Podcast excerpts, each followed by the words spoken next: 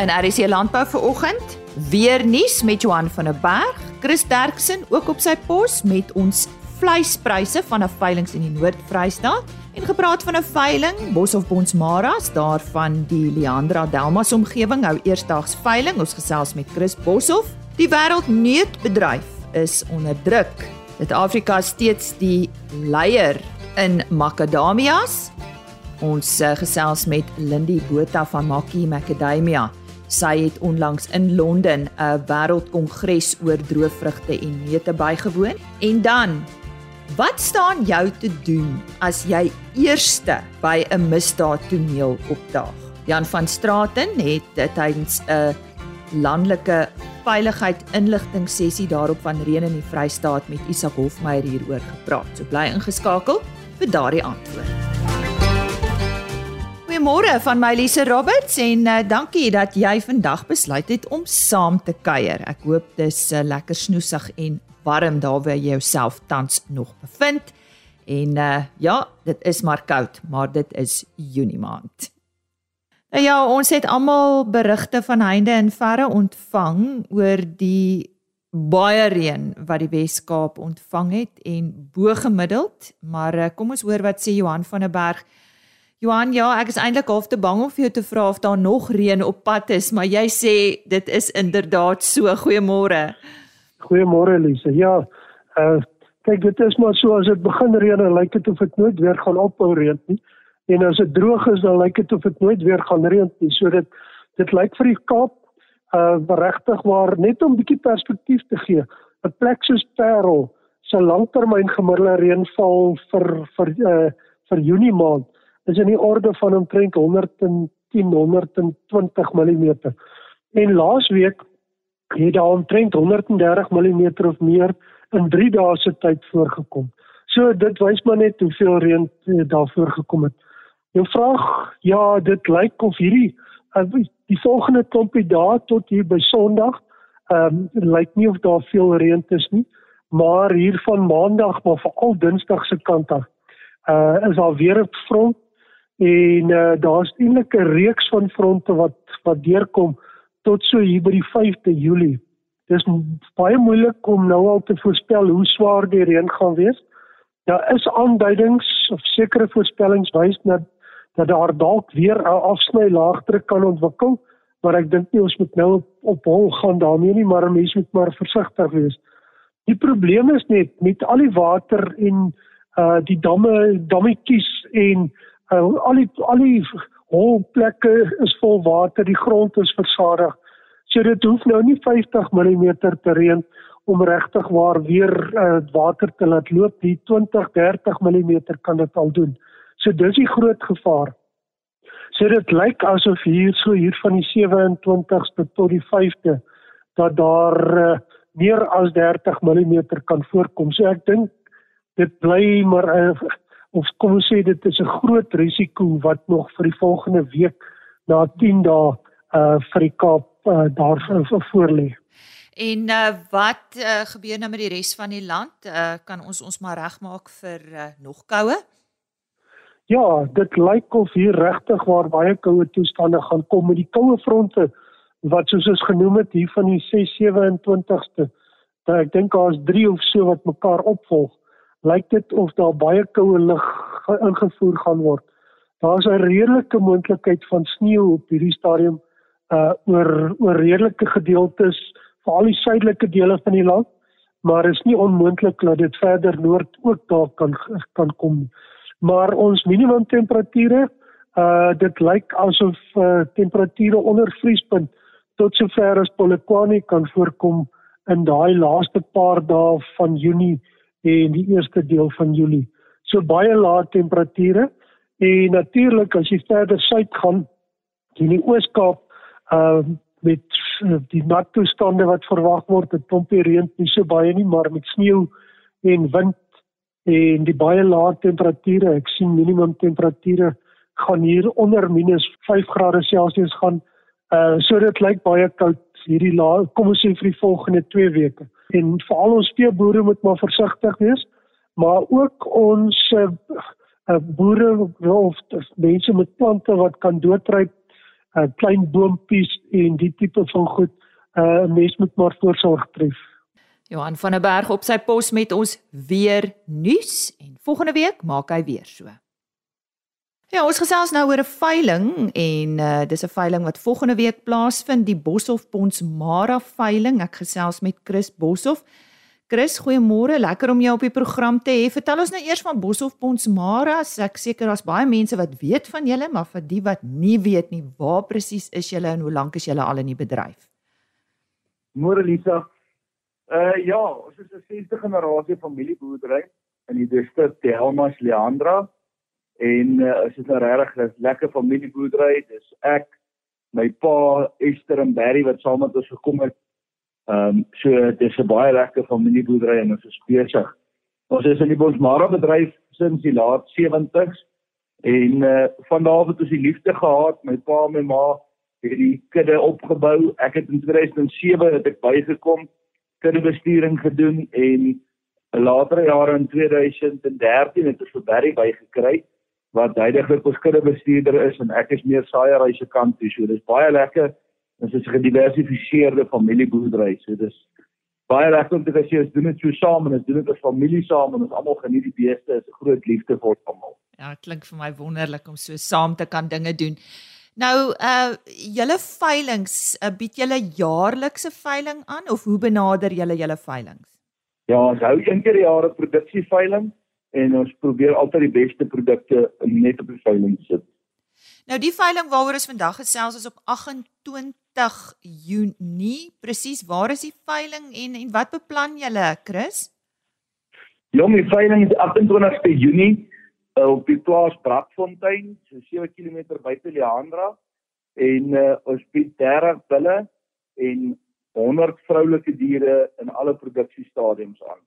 Iets wat jy spesifiek oor die diere wil sê? Ek dink ons het die diere het uitsonderlike groei, baie baie goeie puna lyne en baie goeie genetika om elke ou se kudde en behoeftes te kan bevredig. Wie bied vir julle hierdie veiling aan, Chris? Die veiling word aangebied deur BKB en Sofie sal aanlyn beskikbaar op wees. En uh, vir meer inligting, wat is die beste manier om met julle in kontak te kom? Moet iemand geskakel word? Het julle dalk 'n webtuiste waar iemand so lank na die diere kan gaan kyk? Ja, ons het uh, baie advertensie op Facebook, uh, Instagram en julle kan my ook kontak vir Chris Boshoff by 082 388 0914 en uh, hou ons WhatsApp statusse op dop en jy kan hom enige tyd vir ons vra as jy 'n bilbot wat help om bilkeuses te doen. So wees vrymoedig om ons al enige tyd te kontak. Ja, so sê Chris Boshoff uitgesels oor die Boshoff Ponds Mara produksieveiling op 28 Junie. Dis op die plaas Brakfontein word aangebied deur BKB en eh, soos Chris gesê het, julle is baie welkom om hom te kontak. Kom ek gee sy telefoonnommer 082 388 0914 onthou 28 Junie die Boshoff Bonsmara produksieveiling.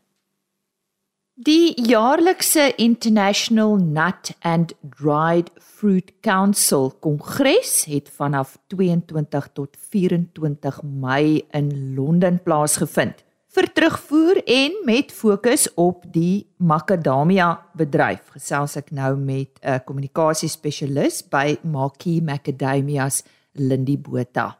Lindy, uh, môre, dankie dat jy by ons aansluit vir oggend vir 'n gesprek oor makadamias. Vertel ons net meer van hierdie internasionale kongres. Môre Lise. Ja, die INC wat nou die International Nut and Dried Fruit Council se jaarlikse kongres is, is nog 'n hoogtepunt op almal se kalenders. Ehm um, so dit dit sluit dan natuurlik, jy weet, al die verskillende neutgroepe wat makadamias dan insluit en dan ook droë vrugte. Ehm um, en die lekker ding van die konferensie is elke jaar word dit op 'n ander plek ehm um, aangebied. So mense kan nog hulle 'n uh, geleentheid ander lande en ander industrieë te sien. En hierdie jaar was dit in Londen gewees. Ehm um, van die 22ste tot die 24ste Mei. Ehm uh, en natuurlik jy weet as gevolg van COVID wat almal nou by die huis moes gebly het en en die events wat nou oopgemaak het, was dit een van die grootste events wat hulle nog aangebied het en daar was oor die 1400 mense wat die kongres bygewoon het ehm um, vanaf omtrent so 60 lande. So dit was regtig die ideale networking opportunity vir die bedryf om regtig 'n goeie idee te kry van wat aangaan in die markte. Lindy, ons fokus juis vandag meer op die makadamia bedryf. Nou verneem ek daar is nogal druk op die bedryf, uh beide sover pryse en markte betref. Gesels met ons daaroor. Ja, so wat duidelik geword het by die ANC was dat dit nie net die uh makadamia bedryf is sukkel nie dit is dis definitief al die uh die hele dit maatjie is ek het so kan stel as gevolg van die ekonomiese druk wat die verbruikers ervaar uh reg oor die wêreld. As gevolg van COVID die oorlog in Oekraïne en so aan. Maar met makadamia is ons het nou nogal 'n um perfect storm soos hulle sê want nie net is die verbruiker onder druk nie so die aanvraag is minder. Maar ehm um, die aanplantings van makadamia het so toegeneem oor die laaste paar jaar in in klomp lande, nie net Suid-Afrika nie, dat die volumes wat nou in die mark kom verskriklik groot is. En ek dink al was die aanvraag nog steeds stabiel, sou ons nog steeds gestukkel het met die mark net omdat die volumes net so groot is. En nou natuurlik met die twee saam het dit ongelukkig nou net ehm um, gemaak dat pryse redelik gesak het die laaste sinema 2 jaar. Ehm um, en daar's nou nogal almal sit nou op jetekole en en, en wag en probeer uitfigure, jy weet, how low can we go? Wat is nou die absoluut absoluutste laagste prys voordat daar nou weer stabiliteit in die mark kan kom en ons nou opwaarts kan begin beweeg. Maar dit gaan nog goed met ons. Ons is nog die grootste op hierdie stadium. Suid-Afrika is nog steeds die grootste ja mm -hmm. en ek dink nie enigiemand gaan ons verbysteek um enige tyd nie. So dit dit is wat dit is die goeie nuus. Die die ander goeie nuus ook dat Suid-Afrika nog 'n baie goeie reputasie het vir ons kwaliteit meete. So ons het 'n goeie posisie in die mark. Uh maar dit is dis regtig net 'n geval van jy weet as die verbruiker nie geld het nie, gaan hy nie vir 'n swak kwaliteit meet of vir 'n goeie kwaliteit meet betaal nie. Ja.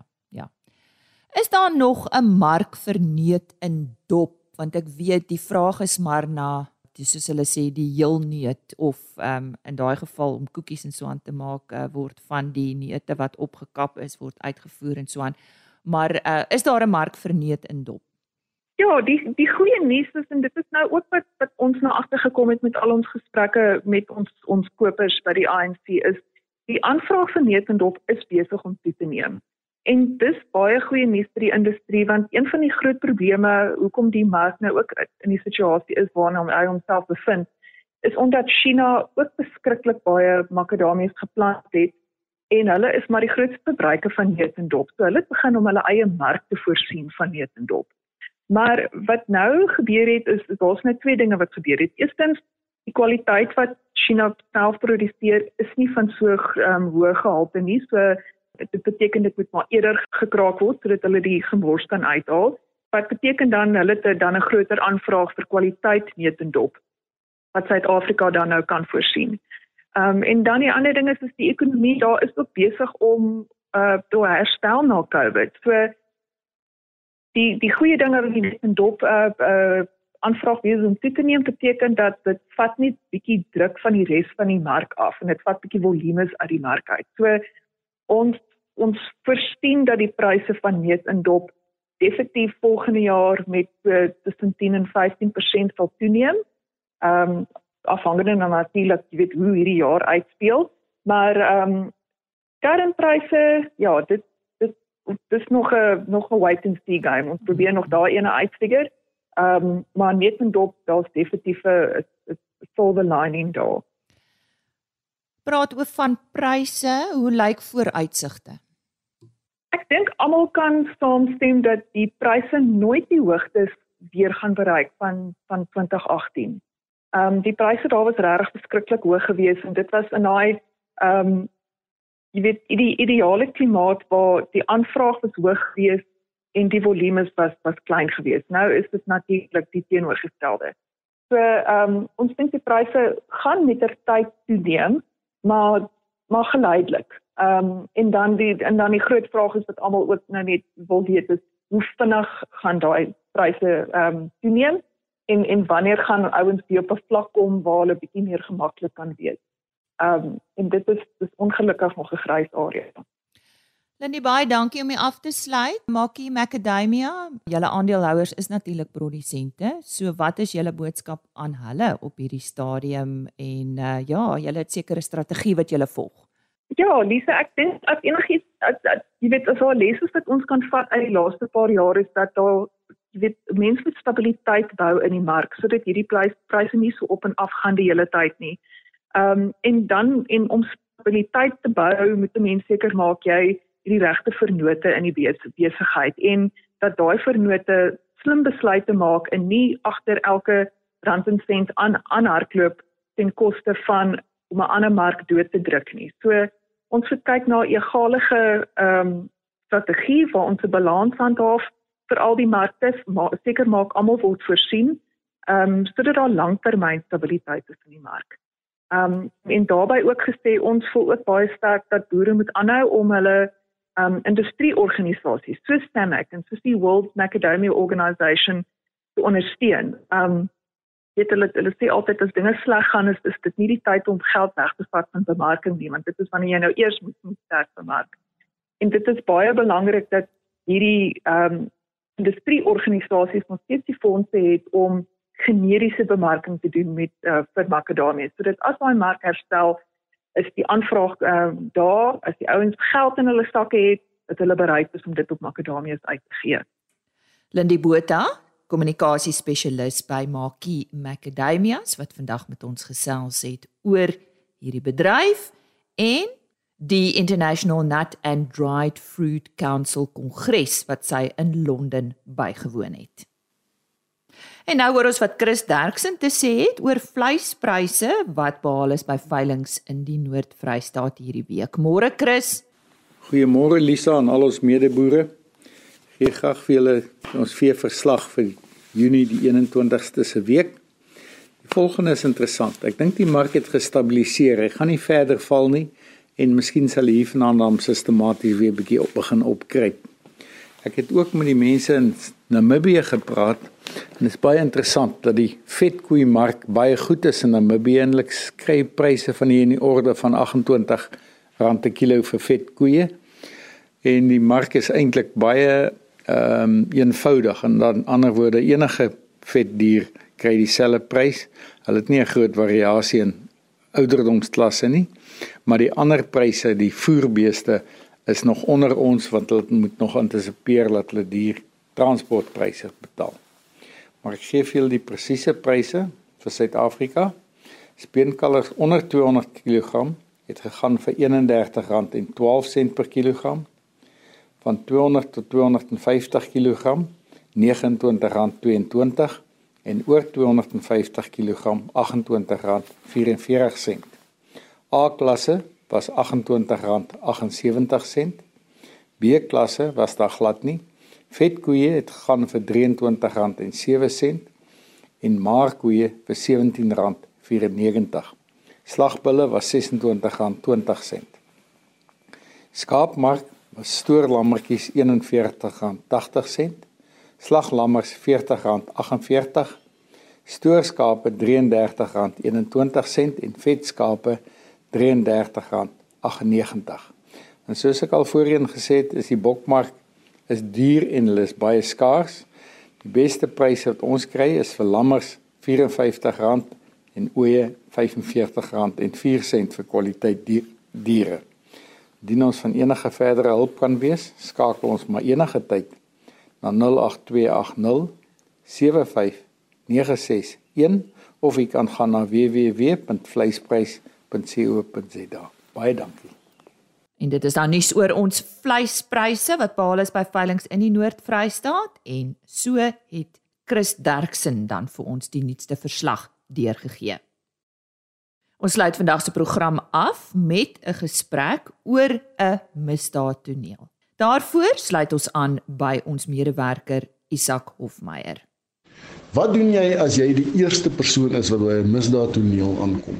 en uh daar's iemand wat beseer is, daar's baie duidelik tekens van van 'n misdaad wat gepleeg is. Wat doen jy om nie hierdie toneel tot so 'n mate te beïnvloed dat dit nie meer gebruik kan word in die saak wat rondom hierdie misdaad gebou word nie. Nou ek praat met Jan van Straat en hy is 'n afgetrede kolonel in die polisie wat hier in die Van Reenen omgewing nou op 'n plaas bly, 'n vakansieplaas en hy is baie betrokke by die uh landelike veiligheidsstrukture hier in die omgewing. Jan, die scenario wat ek nou geskets het, jy is die eerste persoon wat by hierdie misdaadtoneel aankom. Kom ons praat bietjie oor die bestuur van misdaadtonele. Die uh bestuur van 'n uh, misdaadtoneel is baie baie belangrik. Uh dit is op gronde daarvan wat jy 'n suksesvolle saak deur die hof kry of jou saak kan deur die mat val as dit nie reg hanteer word nie en alle aspekte van 'n toneel nie nagevolg nagekom word nie. Dit is baie belangrik. So gou as jy op 'n toneel kom, stel vas wat het gebeur. Uh aktiveer die nooddienste, die ambulanse, die polisie, sekuriteitsmaatskappye. Uh laat hulle tot bystand kan kom en inkou kom. As jy eers op die toneel aankom, uh gee onmiddellik aandag aan die beseerdes. Uh laat hulle voorkeur kry. Wees baie versigtig om nie die toneel te kontamineer nie. Uh, Moenie bewysstukke skuif of rondvat of uh, verwyder of goed nie. Uh gee die mense wat mediese behandeling nodig het, die nodige behandeling of verwyder hulle. Uh, stel jou kordon op. Uh, jy twee kordonlyne. Jou eerste een is jou direkte misdaad toneel, dis gewoonlik binne in jou huis. En jou tweede kordon sal jou buitegedeelte wees. Uh verwyder jy beseerde laat hy buitekant die kordon kom laat hy daar daar kan behandeling kry as moontlik anderste met die mediese mense om so gou as moontlik verwyder jy beseerdes dan keer laat dan niemand anders op die toneel kom nie. Bewaar die toneel en dan oorhandig dit aan die polisie. Gee jou besonderhede eerste persoon wat op daai 'n volle besonderhede wat jy gesien het op die toneel. Uh dat die toneel veilig is, dat die verdagtes wat miskien daar kon gewees het reeds weg is. Enige beskrywing alles aan die polisie dat die polisie direk hulle omliggende polisiestasies en patrolliemotors ook kan aktiveer sodat daar aandag kan gegee word aan hierdie misdaad en die verdagtes te probeer opspoor. Jy jy het net gepraat van wat mens moet doen. Kom ons praat 'n bietjie wat is mens definitief nie moet doen nie. Wat is die goed wat regtig belangrik is om nie te doen nie? Die eerste ding wat jy nie definitief nie moet doen nie. As daar nog 'n gevaar is, maak seker as die verdagtes nog op die plaas is dat daar genoeg bystand is. Uh jy gaan definitief gaan hulle jou probeer aanvat en jou ook probeer uh, aanval want hulle is desperaat, hulle wil probeer wegkom. Uh as daar vuurwapens betrokke is, wees versigtig. Moenie alleen agtervolg nie. Bly weg. Die groot geheim is altyd kry bystand. Soek mooi soveel bystand as moontlik. Uh, Moenie alleen dinge aanvat nie. Probeer net bystand kry altyd. En so gesels Jan van Straten oor die bestuur van 'n misdaadtoneel. My naam is Isak Hofmeyer vir RSG Landbou. Fluit fluit my storie is uit vir hierdie week. Ek is weer maandagooggend op my pos met nog RSG landbou sake en nuus. Dankie dat jy hierdie week saamgekuier het. Kom ek sluit af met 'n e-posadres en webtuiste. rsg.co.za vir al die volledige RSG landbouprogramme of enige program op RSG. Jy kan ook gaan kyk by agriorbit.com, daar word die onderhoude afsonderlik gelaai en dan sluit ek af met 'n e-posadres: rsglandbou@plaasmedia.co.za. Bly gesond, warm, geniet jou naweek en dan groet ek Lise Roberts tot volgende week. Totsiens. RSG Landbou is 'n Plaas Media produksie met regisseur en aanbieder Lise Roberts en tegniese ondersteuning deur Jolande Rooi.